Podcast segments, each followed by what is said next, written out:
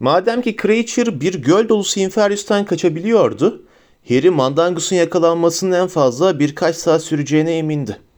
Bu yüzden de o sabah evde bekleyiş içinde dolaştı durdu. Ancak Creature o sabah dönmedi.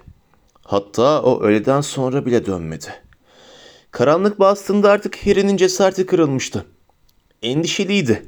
Hermione'nin üzerinde bir dizi başarısız biçim değiştirme girişiminde bulunduğu epey küflü bir ekmekten oluşan akşam yemeği de kendini daha iyi hissetmesini sağlamamıştı. Creature ertesi günde dönmedi. Bir sonraki günde. Öte yandan 12 numaranın dışında meydanda pelerinli iki adam belirmişti. Hava karardıktan sonra bile orada durmuş, göremedikleri eve doğru bakıyorlardı. Ölüm yiyenler orası kesin, dedi Ron. Harry ve Hermione ile birlikte misafir odasının penceresini seyrederken. Burada olduğumuzu biliyorlar mıdır dersiniz? Sanmıyorum, dedi Hermione. Ama korkmuş görünüyordu. Bilseler Snape'i gönderirlerdi peşimizden değil mi? Sizce buraya gelip Moody'nin lanetiyle dili bağlanmış mıdır? diye sordu Ron. Evet, dedi Hermione. Yoksa onlara içeri nasıl girileceğini söylerdi değil mi? Ama herhalde biz gelecek miyiz diye gözlüyorlardır burayı. Ne de olsa Harry'nin evin sahibi olduğunu biliyorlar. Nasıl? diye başladı Harry. Büyücü vasiyetleri bakanlık tarafından inceleniyor. Unuttun mu? Sirius'un burayı sana bıraktığını biliyorlardır. Dışarıda ölüm yiyenlerin varlığı 12 numaranın içindeki kasvetli havayı daha da koyulaştırdı. Bay Weasley'nin patronusundan beri Grimmauld Meydanı'nın ötesinden kimseden haber almamışlardı ve gerginlik giderek kendini belli ediyordu. Husursuz ve asabi bir halde olan Ron, cebindeki ışık kemerle oynayıp durmak gibi sinir bozucu bir huy edinmişti. Özellikle de Creature'ı beklerken Ozan Biddle'ın hikayelerini okumakta olduğu için ikide bir ışıkların kapanıp açılmasından hiç hoşlanmayan Hermione'yi çok kızdırıyordu bu. Keser misin şunu diye haykırdı. Creature'ın gidişinin üçüncü akşamında. Misafir odasındaki bütün ışık bir kez daha emilip alınınca. Pardon pardon dedi Ron. Işık kemeri çakıp ışıkları yeniden yakarak. Yaptığımın farkında değilim. Yani meşgul olacak faydalı bir şey bulamaz mısın? Nasıl? Çocuk hikayeleri okumak gibi mi?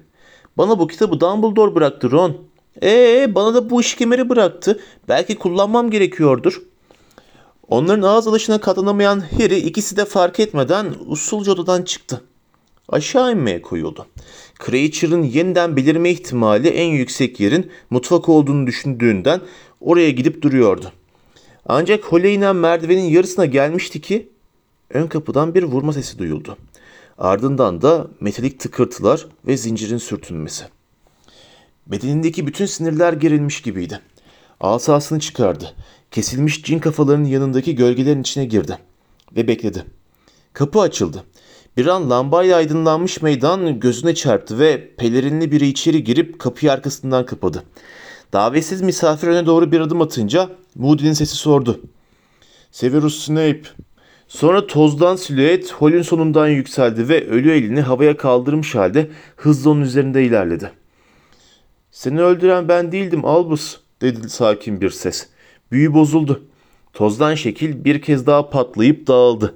Ardında bıraktığı yoğun gri bulutun içinde yeni geleni görmek imkansızdı. Harry asasını toz bulutun ortasına doğrulttu. Kıpırdama.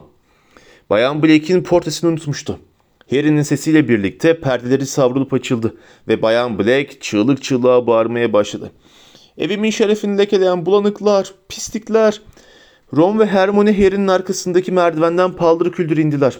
Onların da asaları şimdi aşağıdaki holde elleri havada duran adama dönüktü. Ateş etmeyin. Benim Remus. Of Tanrı'ya şükür dedi Hermione cılız bir sesle. Onun yerine asasını Bayan Blake'e çevirdi. Bir gümlemeyle perdeler yine hızla kapandı ve bir kez daha ortalık sessizleşti. Ron da asasını indirmişti ama Harry indirmemişti. Kendini göster diye bağırdı. Lupin lambanın ışığına adım attı. Elleri hala teslim olduğunu gösterir gibi havadaydı. Ben kurt adam John Remus Lupin'im. Bazen aylak olarak bilinirim. Çapulcu haritasının dört yaratıcısından biriyim. Genellikle Tanks olarak bilinen Nymphadora ile evliyim. Ve sana Patronus büyüsü yapmayı ben öğretmiştim Harry. Patronus'un çatal boynuzu bir geyik biçimini alıyor. Ah tamam dedi Harry asasını indirerek. Ama kontrol etmem lazımdı değil mi? Eski karanlık sanatlara karşı savunma hocan olarak sana kontrol etmen gerektiği konusunda katılıyorum. Ron, Hermione, gardınızı bu kadar çabuk indirmemelisiniz. Merdivenden aşağı onun yanına koştular. Üzerinde kalın, siyah bir seyahat pelerini bulunan Lupin, bitkin ama onları görmekten memnun görünüyordu. Severus'tan iz yok demek ha? diye sordu. Yok, dedi Harry. Neler oluyor? Herkes iyi mi? Evet, dedi Lupin. Ama hepimiz gözleniyoruz. Dışarıda, meydanda iki tane ölüm yiyen var. Biliyoruz. Beni görmemeleri için tam ön kapının dışındaki en üst basamakta cisimlenmem gerekti. Sizin burada olduğunuzu biliyor olamazlar. Yoksa eminim ki burada daha fazla adamları olurdu. Seninle bir bağlantısı olan herkesi, her yeri kolluyorlar Harry. Haydi aşağı gidelim. Size anlatacak çok şeyim var ve siz kovuktan ayrıldıktan sonra neler olduğunu bilmek istiyorum. Aşağı mutfağa indiler. Hermione asasını ocağa doğrulttu. Anında bir ateş yandı. Ateş çıplak taş duvarlara bir sıcaklık hissi veriyor ve uzun tahta masada parıldıyordu. Otururlarken Lupin seyahat pelerinin altından birkaç kaymak birası çıkardı.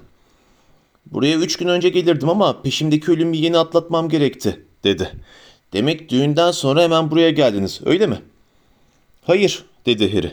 Tottenham Court Road'da bir kafede iki ölüm yiyenle karşılaştıktan sonra geldik. Lupin kaymak birasının bayağı bir kısmını önüne döktü. Ne? Olanları anlattılar. Bitirdiklerinde Lupin dona kalmış gibiydi. Ama sizi nasıl o kadar çabuk buldular ki? Cisimlenen birini takip etmek imkansızdır. Tabii kaybolurken onları bir yerlerinden yakalamadıysanız. O sırada Tottenham Court Road'da öylesine geziniyor olmalıları da pek yüksek ihtimal gibi görünmüyor değil mi? dedi Harry. Biz de dedi Hermione tereddütle. Acaba Harry'nin üzerinde hala iz olabilir mi diye düşündük. İmkansız dedi Lupin. Ron bunun üzerine kendini beğenmiş bir eda takındı. Harry ise müthiş rahatladı. Başka her şey bir yana üstünde hala iz olsa Harry'nin burada olduğunu bilirlerdi değil mi? Ama sizi Tottenham Court Road'da nasıl izlediklerini anlayamıyorum. Endişe verici bu. Gerçekten endişe verici. Epey huzursuz olmuşa benziyordu ama Harry'e göre bu sorun bekleyebilirdi. Biz gittikten sonra ne olduğunu anlat. Ron'un babası ailenin güvende olduğunu söyledikten sonra ne oldu hiç duymadık. Eh, Kingsley bizi kurtardı, dedi Lupin. Onun uyarısı sayesinde onlar gelmeden önce düğün davetlilerinin çoğu buharlaşmayı başardı. Ölüm yiyenler miydi gelenler yoksa bakanlıktan adamlar mı? diye araya girdi Hermione. İkisinin karışımı ama fark etmezdi zaten. Aynı şey gibileri artık, dedi Lupin. Bir düzine kadardılar ama senin orada olduğunu biliyor, bilmiyorlardı Harry. Arthur Scrimgeour'u öldürmeden önce e, senin yerini öğrenmek için ona işkence ettiklerine dair bir söylenti duydu. Bu söylenti doğruysa da seni ele vermemiş. Harry, Ron ve Hermione'ye baktı. Onların yüzlerindeki ifadede de kendi içindeki şok ve minnet karışımı hissi yansıtıyordu. Scrimgeour'u hiçbir zaman pek sevmemişti. Ama Lupin'in söylediği doğruysa adamın ölümden önce yaptığı son şey Harry'i korumak olmuştu. Ölüm yiyenler kovuğu tepeden tırnağa aradı diye devam etti Lupin. Gulyabani'yi buldular ama çok yaklaşmak istemediler. Sonra da geride kalanlarımızı saatlerce sorguya çektiler. Senin hakkında bilgi almaya çalışıyorlardı Harry. Ama tabii ki yoldaşlık dışında kimse orada olduğunu bilmiyordu. Onlar düğünün altını üstüne getirirken başka ölüm yiyenler ülkede yoldaşlıkla ilişkisi bulunan bütün evlere zorla giriyordu. Ölüm olmadı diye ekledi hemen. Onların soruyu sormasına fırsat bırakmadan. Ama sert davrandılar. Dedalus Deagle'ın evini yaktılar. Ama sizin de bildiğiniz gibi orada değildi zaten. Tanks'ın ailesine Chrysiotus laneti yaptılar. Yine senin onlara uğradıktan sonra nereye gittiğini öğrenmek için. Bir şeyleri yok. Epey sarsılmışlar tabii ama iyiler. Ölüm yiyenler bütün o koruyucu büyüleri aşmışlar mı yani diye sordu Harry. Kendisinin Tanks'ın annesi ve babasının bahçesine çakıldığı gece o büyülerin ne kadar etkili olduğunu hatırlayarak. Şunu anlamalısın ki Harry, şimdi ölüm yiyenler bakanlığın bütün gücünü arkalarına almış durumdalar, dedi Lupin. Tespit edilme ya da tutuklanma korkusu olmaksızın en acımasızca büyüleri yapma gücüne sahipler. Onlara karşı yapmış olduğumuz her savunma büyüsünü aşmayı başardılar ve içeri girdiklerinde niye orada oldukları konusunda tamamen açık davrandılar. Peki niye Harry'nin nerede olduğunu öğrenmek için insanlara işkence ettiklerini açıklama zahmetine katlanıyorlar ki? diye sordu Hermione. Hafiften sinirli bir sesle. Şey dedi Lupin. Biraz tereddüt ettikten sonra gelecek posasının katlanmış bir nüshasını çıkardı. Al dedi masanın üzerinden onu Harry'e doğru iterek. Nasıl olsa eninde sonunda öğreneceksin. Senin peşine düşmeleri için gösterdikleri sebep bu. Harry kağıdı düzeltti. Ön sayfayı kendi yüzünün kocaman bir fotoğrafı dolduruyordu. Üzerindeki manşeti okudu. Albus Dumbledore'un ölümü hakkında sorgulanmak üzere aranıyor. Ron'la Hermione öfkeyle kükrediler ama Harry hiçbir şey demedi. Gazeteyi itti. Gerisini okumak istemiyordu. Neler yazdığını biliyordu.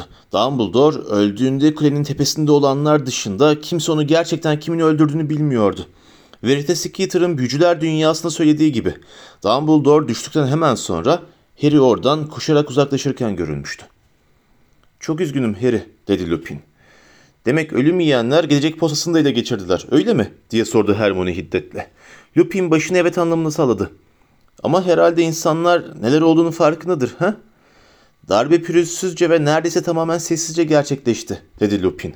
Scream John'un öldürülüşü üzerine yapılan resmi açıklama istifa ettiği yolunda. Yerine impersonalite etkisindeki Fierce Thickness getirildi. Voldemort niye kendi sihir bakını ilan etmedi diye sordu Ron. Lupin güldü. Etmesine gerek yok ki Ron. Pratikte bakan o zaten. Ama niye bakanlıkta bir masa başında otursun ki? Kuklası Thickness gündelik işlere bakıyor. Böylece Voldemort serbest kalıp iktidarını bakanlığın ötesine genişletmekle uğraşabiliyor. Elbette birçok kişi neler olduğunu anlamış durumda. Son birkaç gündür bakanlığın politikasında çok dramatik bir değişim oldu ve birçok kişi bunun ardında Voldemort'un olabileceğini fısıldıyor. Ama mesele de bu zaten. Fısıldıyorlar. Kime güveneceklerini bilemediklerinden birbirlerine açılma cesaret edemiyorlar. Kuşkuları doğru çıkarda ailelere hedef alınırsa diye seslerini yükseltemiyorlar. Evet, Voldemort çok akıllıca bir oyun oynuyor. Kendini bakan ilan etmek apaçık isyana yol açabilirdi. Gizli kalması şaşkınlık, belirsizlik ve korku yarattı. Peki bakanlığın politikasındaki bu dramatik değişim dedi Harry. Büyücüler dünyasını Voldemort'a karşı uyarmak yerine bana karşı uyarmaya mı yönelik yani? Onun da işin bir parçası olduğu kesin dedi Lupin. Ve doğrusu ustaca bir hamle. Artık Dumbledore öldüğüne göre senin sağ kalan çocuğun Voldemort'a karşı direniş için bir sembol ve birleşme noktası olacağı kesin. Fakat yaşlı kahramanın ölümünde parmağın olduğunu öne sürerek Voldemort sadece başına ödülü koymakla kalmadı. Aynı zamanda seni savunacak çok sayıda insanın içine kuşku ve korku tohumları da ekti. Bu arada bakanlık da Muggle'lardan doğma olanlara karşı harekete geçti. Lupin gelecek posasını işaret etti. İkinci sayfaya bakın. Hermione yüzünde en karanlık sanatın sırlarını elinde tutarken takındığı o tiksinti ifadesiyle sayfaları çevirdi. Muggle doğumlar kaydı diye okudu yüksek sesle. Sihir Bakanlığı, Muggle'lardan doğma denen kişilerin nasıl olup da sihir sırlarına sahip olduklarını daha iyi anlamak amacıyla onlar üzerine bir tetkik yapmaya karar verdi. Son zamanlarda Eser Dairesi tarafından yürütülen araştırmalar sihrin insanın insana ancak sihirbazlar ürediğinde geçebildiğini ortaya çıkarmış bulunuyor. O yüzden de ataları arasında sihirbaz bulunmayan Muggle'lardan doğma kişiler muhtemelen sihir güçlerini hırsızlık ya da zor kullanarak almış olmalılar. Bakanlık böyle sihir gücü gaspçıların kökünü kazımaya kararlı. Bunun için de Muggle'lardan doğumu olduğu söylenen herkese yeni tayin edilmiş Muggle Doğumlar Kayıt Komisyonu ile yapılacak bir mülakatta hazır bulunmaları için davetiye gönderildi. İnsanlar bunun olmasına izin vermeyecektir, dedi Ron. Oluyor bile Ron, dedi Lupin. Şu an bile Muggle'lardan doğumu olanlar toplanıyor. Ama nasıl çalınmış sihirleri olsun ki, dedi Ron. Çatlaklık bu. Sihir çalınabiliyor olsa kof dediği bir şey olmazdı değil mi? Biliyorum, dedi Lupin. Yine de yakın akrabaların arasında en az bir tane büyücü olduğunu kanıtlayamıyorsan sihir gücünü yasa dışı şekilde elde ettiğine ve cezalandırılman gerektiğine karar veriliyor artık. Ron bir an bakışlarını Hermione'ye kaydırdıktan sonra peki ya safkanlar ve melezler Muggle'lardan doğma birinin kendi ailelerinin olduğunu yemin ederlerse dedi. Herkese Hermione'nin kuzenim olduğunu söyleyebilirim. Hermione Ron'un elini tutup sıktı. Teşekkür ederim Ron ama buna izin veremem. Başka şansın olmayacak ki dedi Ron hararetle. Onun elini tekrar yakalayarak. Sana soy, soy ağacımı öğretirim. Böylece o konudaki soruları cevaplayabilirsin. Hermione cılız bir kahkaha attı. Ron, ülkenin en çok aranan insanı Harry Potter'la kaçtığımızı düşünürsen onların pek önemi yok sanırım. Okula dönüyor olsaydım keşke. Neyse. Voldemort'un Hogwarts konusundaki planı ne? diye sordu Lupin'e. Artık her küçük cadı ve büyücü için okula devam mecburi diye yanıtladı. Dün açıklandı. Bir değişiklik bu. Çünkü daha önce hiçbir zaman zorunlu değildi. Elbette İngiltere'deki hemen hemen her cadı ve büyücü Hogwarts'ta eğitim görmüştür. Ama ailelerin isterlerse onları evde eğitime ya da yurt dışına gönderme hakları vardı. Bu şekilde Voldemort bütün büyücü toplumunu küçük yaştan gözünün önünde tutmuş olacak. Ayrıca bu Muggle'lardan doğumu olanları ayıklamanın bir başka yolu. Çünkü öğrencilerin okula gitmelerine izin verilmesi için kan statüsü verilmesi gerekiyor. Bakanlığa büyücülerden geldiklerini kanıtladıkları anlamına geliyor bu. Harry iğrenmişti ve kızgındı. Şu anda 11 yaşında heyecanlı çocuklar yeni aldıkları dizi dizi büyük kitabına gömülmüş Hogwarts'u hatta belki de ailelerini bir daha asla göremeyeceklerini hiç bilmiyorlardı. Bu, bu diye mırıldandı. Düşüncelerindeki dehşeti kelimeleri dökmekte zorlanarak. Ama Lupin usulca biliyorum dedi. Lupin tereddüt etti. Bunu doğrulayamazsan anlarım Harry ama yoldaşlık Dumbledore'un sana bir görev bıraktığı izleniminde. Bıraktı diye yanıtladı Harry. Ron'la Hermione de bu görevi üstlenmiş durumda ve benimle geliyorlar. Görevin ne olduğunu bana açıklayabilir misin? Harry erken yaşta çizgilerle dolmuş, gür ama grileşmekte olan saçlarının çevrelediği bu yüze baktı ve başka bir cevap verebilmeyi istedi. Hayır Remus özür dilerim. Dumbledore sana söylemediyse benim söyleyebileceğimi sanmıyorum. Öyle diyeceğini tahmin etmiştim dedi Lupin. Hayal kırıklığı dolu bir ifadeyle. Fakat yine de size faydam dokunabilir.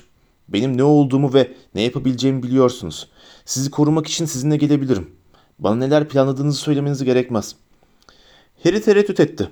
Çok cazip bir teklifti bu ama Lupin sürekli yanlarındayken ondan görevlerini nasıl gizli tutabileceklerini hayal edemiyordu. Hermione ise şaşkın görünüyordu. Ama ya Tonks diye sordu.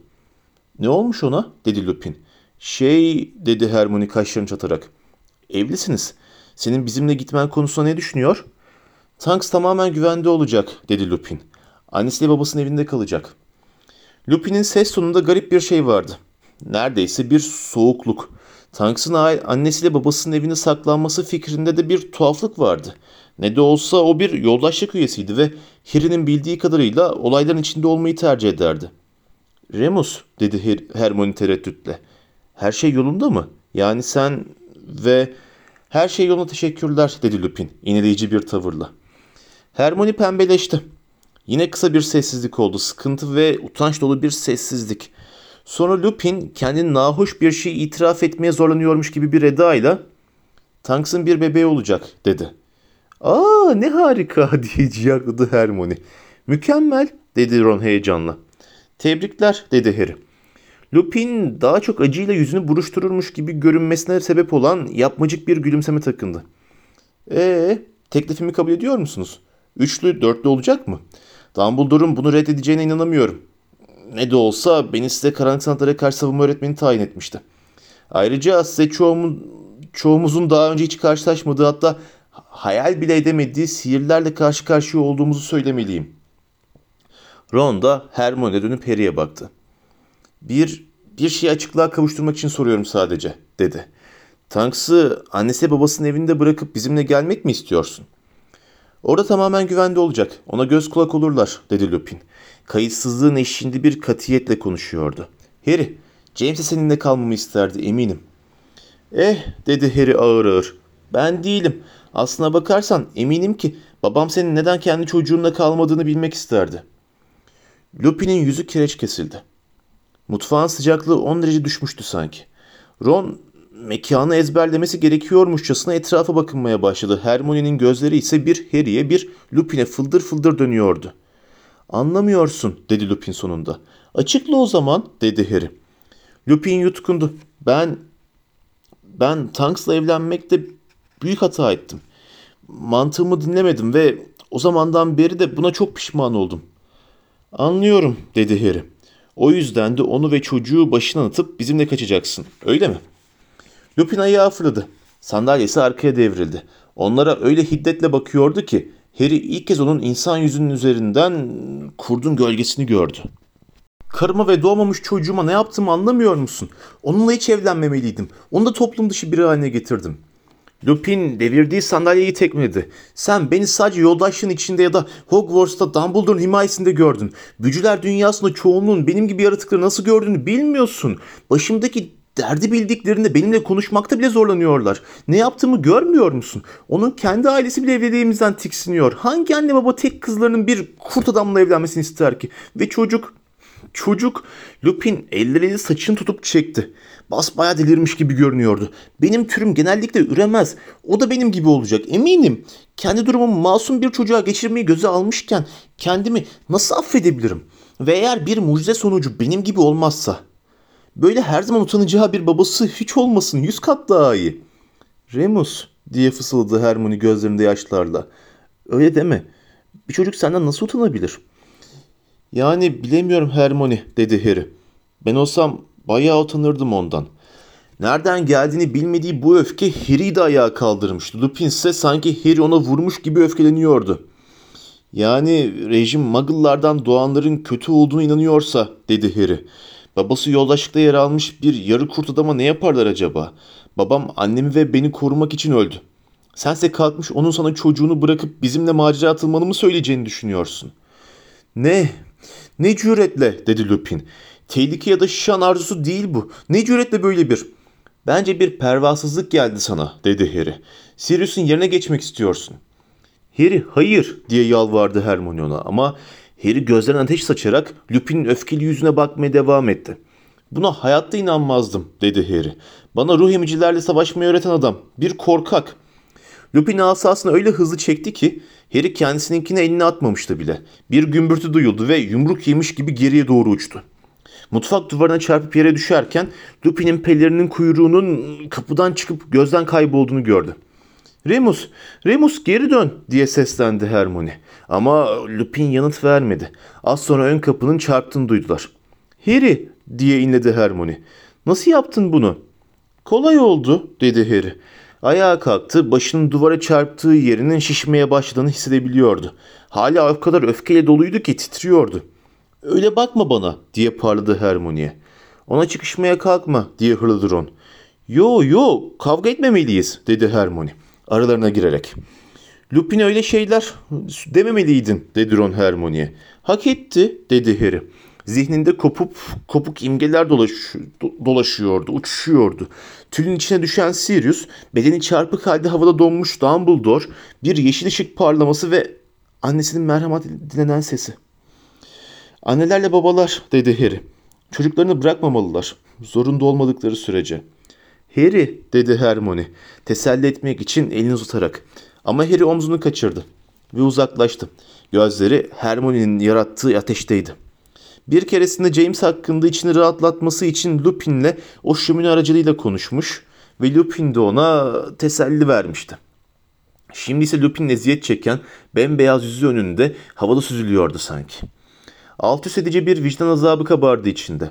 Ron da Hermione konuşmuyordu ama Harry arkasında onların birbirlerine bakıp sessizce iletişim kurduklarına emindi. Arkasını dönünce onları telaşla birbirlerine uzaklaşırken yakaladı. Biliyorum, ona korkak dememeliydim. Evet dememeliydin, dedi Ron hemen. Ama öyle davranıyor. Fark etmez, dedi Hermione. Biliyorum, dedi Harry. Ama Tanks'a dönmesini sağlayacaksa buna değmiş demektir, değil mi?'' Sesinin rica eder gibi çıkmasına engel olamamıştı. Hermione'nin yüzünde anlayışlı bir ifade vardı. Ron'un ise kararsız. Harry başını eğip ayaklarına baktı. Babasını düşündü. James olsa Lupin'e söylediklerinde Harry'i destekler miydi? Yoksa oğlunun eski dostuna böyle davranmasına kızar mıydı? Sessiz mutfak az önceki sahnenin şokuyla ve Ron'la Hermione'nin kelimelere dökülmeyen kınamalarıyla uğulduyordu adeta. Lupin'in getirdiği gelecek postası hala masanın üstünde duruyor Harry'nin suratı ön sayfadan tavana bakıyordu. Masaya gidip oturdu. Gazetenin rastgele bir sayfasını açıp okur gibi yapmaya başladı. Kelimeleri kavrayamıyordu bile. Kafası hala tamamen Lupin'le tartışmasındaydı. Ron'la Hermione'nin geleceğin arkasında sessiz iletişimlerine yeniden başladıklarına emindi. Gürültüyle bir sayfayı çevirdi ve birden Dumbledore'un ismi dikkatini çekti. Bir aileyi gösteren fotoğrafın anlamını kavraması birkaç saniye sürdü. Fotoğrafın altında şu kelimeler vardı. Dumbledore ailesi. Soldan sağa. Albus, Percival, kucağında yeni doğmuş Ariana, Kendra ve Aberford. Merak uyanan Harry resmi daha dikkatli incelemeye başladı. Dumbledore'un babası Percival bu eski sararmış fotoğrafta bile gözleri parıldayan, yakışıklı bir adamdı. Bebek Ariana bir somun ekmekten daha iri değildi. Daha dikkat çekici de görünmüyordu. Annenin yani Kendra'nın kocaman topuz yapılmış kuzgun karası saçları vardı. Yüzü oyma gibiydi. Giydiği yüksek yakalı ipek elbiseye rağmen o kara gözleri, çıkık elmacık kemiklerini ve düz burnu incelerken Harry'nin aklına Amerikan yerlileri geldi. Albus Laberford birbirinin eşi dantelli yakalı ceketler giymişlerdi ve tıpatıp aynı kesilmiş saçları omuzlarına kadar iniyordu. Albus birkaç yaş daha büyük görünüyordu ama onun dışında iki çocuk birbirlerine son derece benziyordu. Çünkü bu resim Albus'un burnunun kırılmasından ve gözlük takmaya başlamasından önce çekilmişti. Aile hayli mutlu ve normal görünüyor, gazeteden sükunetle gülümsüyorlardı. Bebek Ariana'nın kolu şalından dışarı belli belirsiz sallanıyordu. Harry resmin üstüne baktı ve başlığı gördü. Yakında yayınlanacak Albus Dumbledore biyografisinden özel bir alıntı. Rita Skeeter. Harry bunun nasıl olsa kendini o anda hissettiğinden daha da kötü hissetmesine neden olamayacağını düşünerek okumaya başladı. Mağrur ve kibirli Kendra Dumbledore, kocası Percival'ın haberlere bolca yansımış tutuklanışının ve Azkaban'a atılışının ardından Mold on the Vault'ta kalmaya dayanamadı. O yüzden ailesini yerinden edip Godric's Hollow'a yani sonraları Harry Potter'ın kim olduğunu bilirsin senden tuhaf kaçışının mekanı olarak ünlenecek kö- köye yerleşmeye karar verdi. Mold on the Vault gibi Godric's Hollow'da da birçok büyücü ailesi yaşıyordu. Ama Kendra onların hiçbirini tanımadığından kocasının işlediği suç sebebiyle önceki köyünde karşılaştığı meraktan burada kurtulabilecekti. Yeni büyücü komşularının arkadaşlarılık kurma çabalarını tekrar tekrar geri çevirerek kısa sürede ailesinin rahat bırakılmasını sağladı. Elinde bir fırın dolusu ev yapımı kazan pastasıyla ona hoş geldin demeye gittim. Kapıyı suratıma çarptı, diyor Batilda Backshot. Orada oldukları ilk sene içinde sadece iki olanı gördüm. Taşındıklarının ertesi kışı ay ışığında sızlancık topluyor olup da Kendra'nın Ariana'yı arka bahçeye çıkardığını görmesem bir kızları olduğunu hiç bilmeyecektim. Onu sıkı sıkı tutarak çimenliğin çevresinde bir tur dolaştırdıktan sonra yine içeri götürmüştü. Neyi yoracağımı bilemedim. Anlaşılan Kendra, Kodrik Solava taşınmanın Ariana'yı saklamak için mükemmel ve nihai bir çözümü olduğunu düşünüyordu. Senelerdir planladığı bir şeydi bu. Bu taşınmanın zamanlaması anlamlıydı. Ariana gözden kaybolduğunda 7 yaşında ha var ha yoktu. Ve çoğu uzmana göre 7 yaş eğer birinde sihir varsa kendini göstereceği söylenen son yaş. Bugün hayatta olan kimse Ariana'nın en ufağından bile olsa sihirsel bir yetenek sergilediğini hatırlamıyor. Bu yüzden de Kendra'nın bir kofti doğurduğunu itiraf etmenin utancını yaşamak yerine kızının varlığını gizlemeye karar verdiğini açıkça görüyor, görüyoruz. Ariana'yı tanıyan arkadaşlardan ve komşulardan uzaklaşmak elbette onu hapsetmeyi daha kolay hale getiriyordu. Bundan böyle Ariana'nın varlığından haberdar olan pek az sayıdaki insanın da bu sırrı saklı tutmaları güvenilebilirdi. Ki bu sırrı tutanlara iki abi de dahildi. İki erkek kardeş uygunsuz soruları annelerinin onlara öğrettiği cevaplarla savuşturuyor. Kız kardeşim okula gidemeyecek kadar zayıf diyorlardı. Gelecek hafta Albus Dumbledore Hogwarts'ta ödüller ve oyunlar. Harry yanılmıştı. Okuduğu şey hakikaten de onun kendisini daha kötü hissetmesine sebep olmuştu. Mutlu görünen ailenin fotoğrafına bir kez daha baktı. Doğru muydu? Nasıl öğrenebilirdi bunu? Godric's Hollow'a gitmek istiyordu. Batilda onunla konuşacak durumda olmasa bile kendisini Dumbledore'un da en sevdiklerini yitirdiği yeri ziyaret etmek istiyordu. Tam Ron'la Hermione'nin bu konudaki fikirlerini sormak üzere gazete indiriyordu ki sağır edici bir şak sesi mutfakta yankılandı. Üç gündür ilk kez Harry Cratchit'i tamamen unutmuştu. Bir an ilk aklına gelen Lupin'in yeniden içeri daldığı oldu. Birdenbire oturduğu sandalyenin yanında beliren kollar, bacaklar karmaşasını bir süre idrak edemedi.